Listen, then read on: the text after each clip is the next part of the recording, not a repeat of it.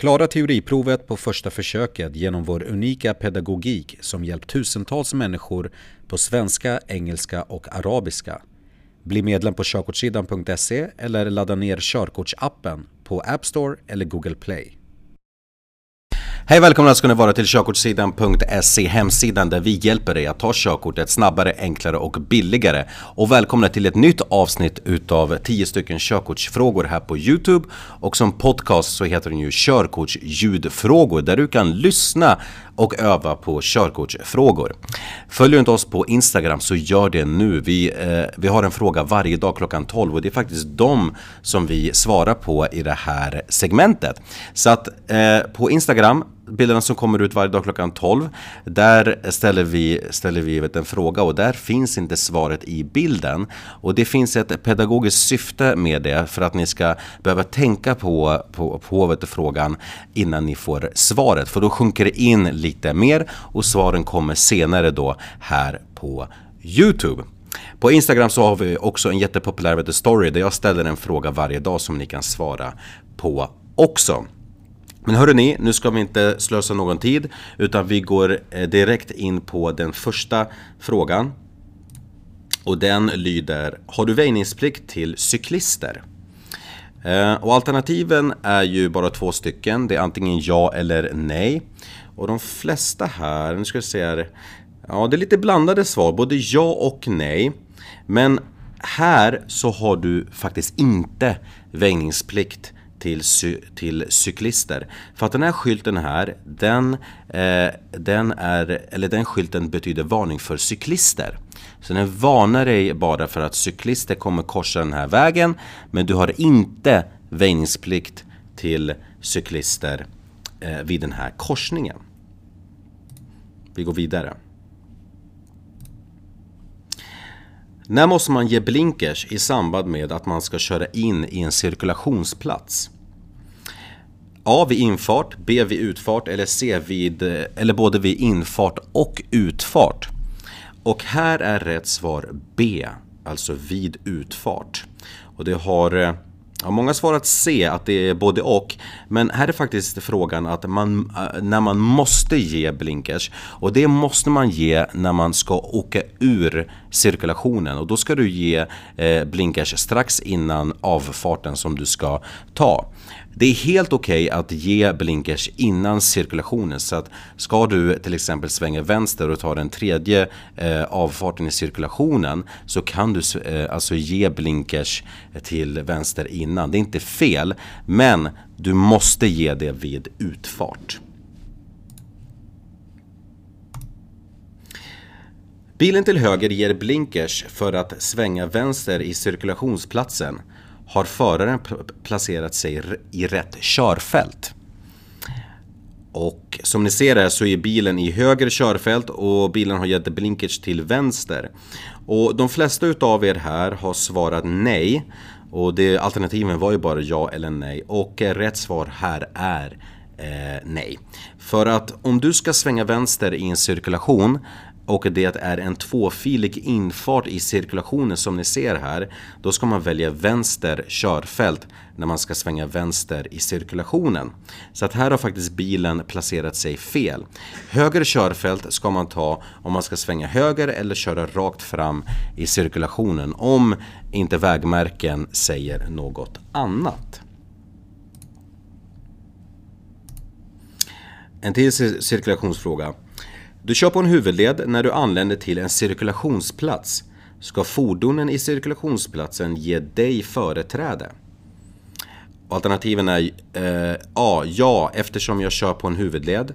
B. Nej, eftersom man alltid har väjningsplikt till fordon i en cirkulationsplats. Och eller C. Ömsesidig hänsyn gäller.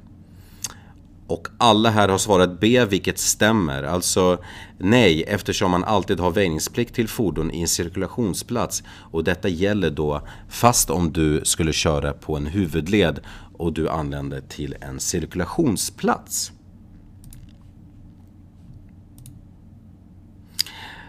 Föraren i bilen ska svänga vänster och signalera det tydligt till bakomvarande. Får fordon bakom bilen köra om bilen på höger sida. Här kör ju bilen på en landsväg och ska utföra den farliga vänstersvängen på landsväg. Och här gäller det ju att man placerar sig väl, alltså att bilen pla alltså placerar sig till vänster eh, så att bakomvarande bilar ska kunna passera på höger sida. Så rätt svar här är ju eh, eh, att eh, ja, alltså att fordon bakom bilen får köra om bilen på höger sida och det har eh, ungefär hälften, men de flesta av er har svarat rätt här, att det får de göra. Ett tips för det här när ni ska svänga vänster på landsväg, det är att när ni väntar på att kunna utföra svängen, alltså när ni står stilla, så ehm, eh, eh, alltså sväng på hjulen så att de inte är riktade mot eh, Eh, eh, eh, fordon vet du, som kör på motsatt körriktning. Och detta vill man för att om någon skulle köra in i dig bakifrån så kommer du inte köra ut på vägen, vilket är jättefarligt. Så det är tips bara när ni ska svänga vänster på landsväg. Vi går vidare. Fordon, eh, fordonen kör 90 km i timmen på motorvägen. Är avståndet mellan fordonen tillräckligt bra? Ja eller nej?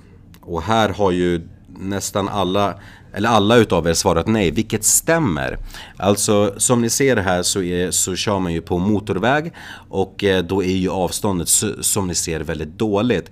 Ett sätt att bedöma att man har rätt avstånd det är ju att använda 3 sekunders regeln och den går ut på att man räknar till 3 eh, till var eh, bilen framför är någonstans. Så att man räknar i tusental, 1001, 1002, 1003. Så då kan man ungefär veta vilket avstånd man ungefär ska hålla. Vi går vidare. Det finns en bil framför so eh, sopbilen som vill passera. Jag, där fotot är taget ifrån, vill också passera. Vem har företräde? A. Jag då, hin jag, då hindret är på den andra bilens sida. Eh, B. Bilen framför so sopbilen så hindret ligger på, på dens sida. Eller C. Först till sopbilen eh, får passera först.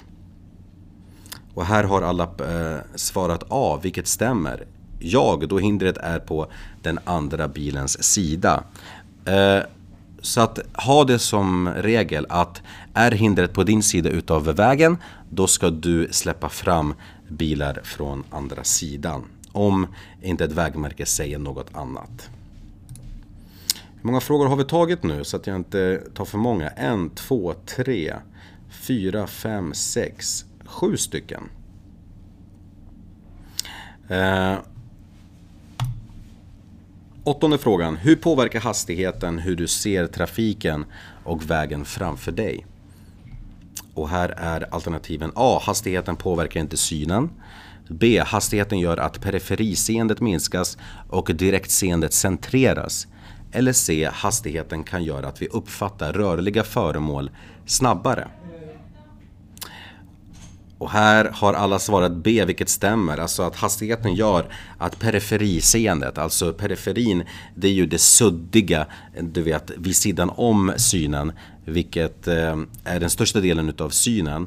Och, och det gör ju att direktseendet centreras vilket gör att vi inte är lika flexibla i våran blick. Vilket är viktigt givetvis. Näst sista frågan. Hur långt färdas din bil per sekund om du kör i 70 km i timmen? Eh, 10 meter, 19 meter eller, 20, eller 29 meter?